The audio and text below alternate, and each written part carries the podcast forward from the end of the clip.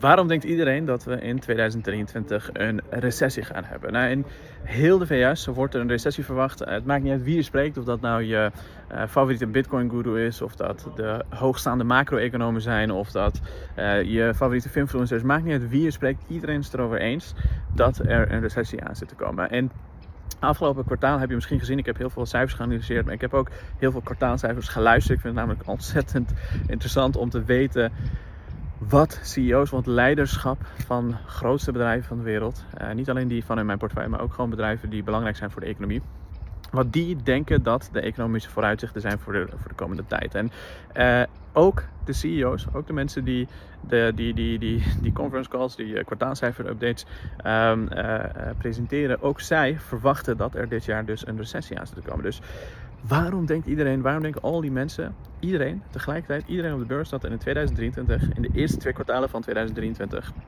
een recessie aan zit te komen? Nou, het antwoord ga ik je zo meteen geven, maar uh, ik denk goed om eerst even stil te staan bij het feit, want als je kijkt naar de economische cijfers, als ik er persoonlijk naar kijk, dan zie ik in principe geen enorme issues. Ik zie geen, uh, ik zie bijvoorbeeld dat er de meeste huishoudens financieel sterk en gezond zijn. Dat de middenklasse ontzettend gezond is.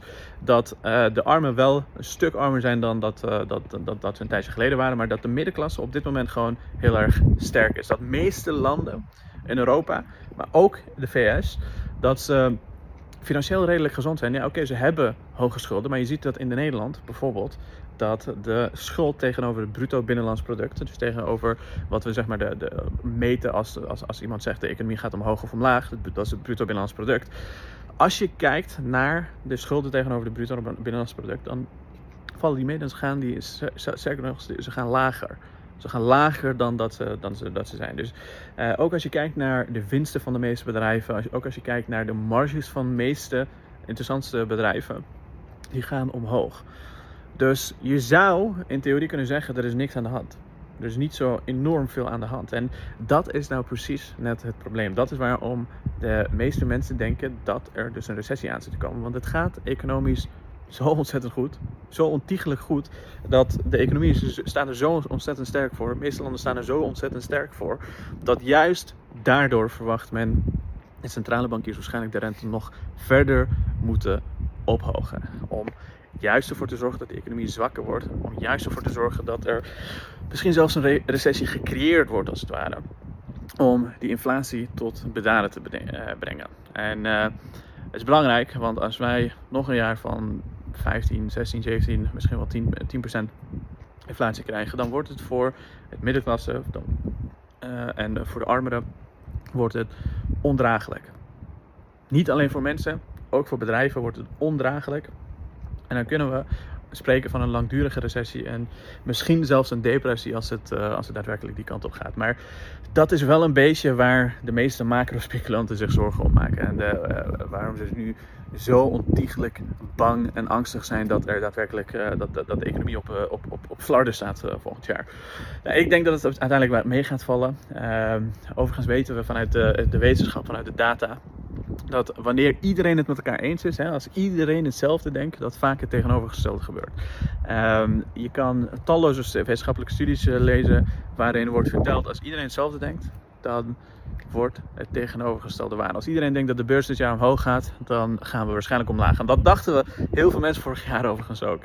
Ik heb ook uh, de, toen uh, einde van het jaar een video erover gemaakt om te zeggen Misschien wordt het niet een al te best jaar. Uh, maar voor mij persoonlijk in mijn plan verandert er uiteindelijk niets. Ik kijk naar dit soort data. Ik vind het hartstikke, interessant wat de macro-speculanten denken van ze bewegen de markten. Maar onderaan de streep maakt het voor mij persoonlijk niet uit wat de inflatiecijfers gaan doen. Wat de economie op de korte termijn gaat doen. Op de lange termijn weten we, er zitten de, de meest slimme, fantastische wereldleiders, slimme mensen, fantastische mensen die aan het werk zijn om te zorgen dat de economie het goed gaat doen. Dus het zal altijd goed komen. Het zal ook altijd goed komen. En als het niet goed komt, dan heb je veel grotere problemen dan uh, hoe je aandelen ervoor uh, staan, laat ik het zo zeggen. Maar uh, ik denk dat het uiteindelijk uh, met die economie wel goed gaat komen. Kijk, het aller, aller, aller, aller, allerbelangrijkste in dit soort tijden is als je in portefeuille goed je onderzoek hebt gedaan, dat je weet of bedrijven financieel gezond zijn. Kijk, dat er recessies gaan komen, dat weten we. Hè?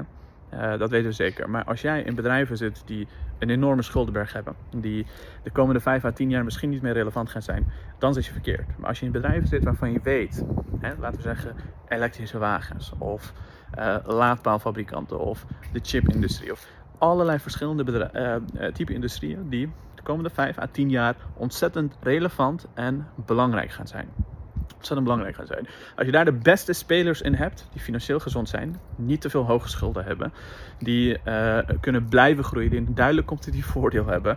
Als je dat soort zaken goed op orde hebt, dan weet je of een recessie komt of niet, hoe lang die duurt. Maakt niet uit, je hoeft je geen zorgen erover te maken. Als jij zelf financieel gezond bent, als jij, laten we zeggen, de komende 2, 3 jaar uit kan zingen, want gemiddeld duren dit soort zaken ongeveer een jaar, anderhalf jaar, twee jaar. Zoiets geks. Dat is gemiddeld. We zitten nu al bijna een jaar in. Dus uh, je zou kunnen zeggen nog een half jaar, dan is het klaar. Maar zo werkt het natuurlijk niet. Het zijn gemiddeld is. Um, maar dat is even het allerbelangrijkste. Als jij in een financieel gezonde bedrijf zit, hoef je in principe geen zorgen te maken. Dat is ook wat ik regelmatig mensen leer binnen de community. Om de financiën van een bedrijf zo goed mogelijk door te spitten. Want dan weet je, uh, ik heb met een financieel goed, gezond goed gemanaged bedrijf te maken. We hebben bijvoorbeeld het hele Bitfavo debakel gehad, waar de eigenaren zichzelf als wanbeleid 110 miljoen euro aan dividend hebben uitgekeerd. Nu moet, dus, nu, nu, moet het bedrijf bij hun gaan bedelen van... hey, wil je alsjeblieft die 110 miljoen teruggeven? Want wij kunnen niet, niet aan. Wij hebben 280 miljoen schuld. Wij kunnen, nou niet schuld, maar we missen 280 miljoen, laat ik het zo zeggen. Wij kunnen dit niet aan. We moeten bedelen bij de, uh, ons hand ophouden bij de oprichters en we moeten meer gaan lenen tegenover een hogere rente. Als je dat soort bedrijven bezit, hè, uh, Bitfavo is dan niet uh, beursgenoteerd, maar laten we zeggen dat dat wel was. Maar dat zou bijvoorbeeld nu niet een financieel gezond bedrijf zijn. Het zou in principe een technisch failliet bedrijf zijn die geld nodig heeft om zichzelf nog overeind te kunnen houden. Maar dat weet je alleen als je financiële gegevens van een bedrijf goed kent en ze door hebt gelezen. Um, Gisteren heb ik nog een video gemaakt voor de leden over een bedrijf waarvan ik denk dat ze de komende 5 à 10 jaar zullen gaan domineren. Ze zitten in een hele belangrijke, interessante industrie waar ze het ontzettend goed zijn uh, gaan doen. Ze zijn voorloper qua tech, qua alles. En ik denk dat er voor de komende jaren nog een enorme explosieve groei in dat bedrijf uh, nog zit. Maar goed. Ik hoop dat dit een beetje je een beeld geeft bij hoe ik er op dit moment over nadenk. En ik zie je snel.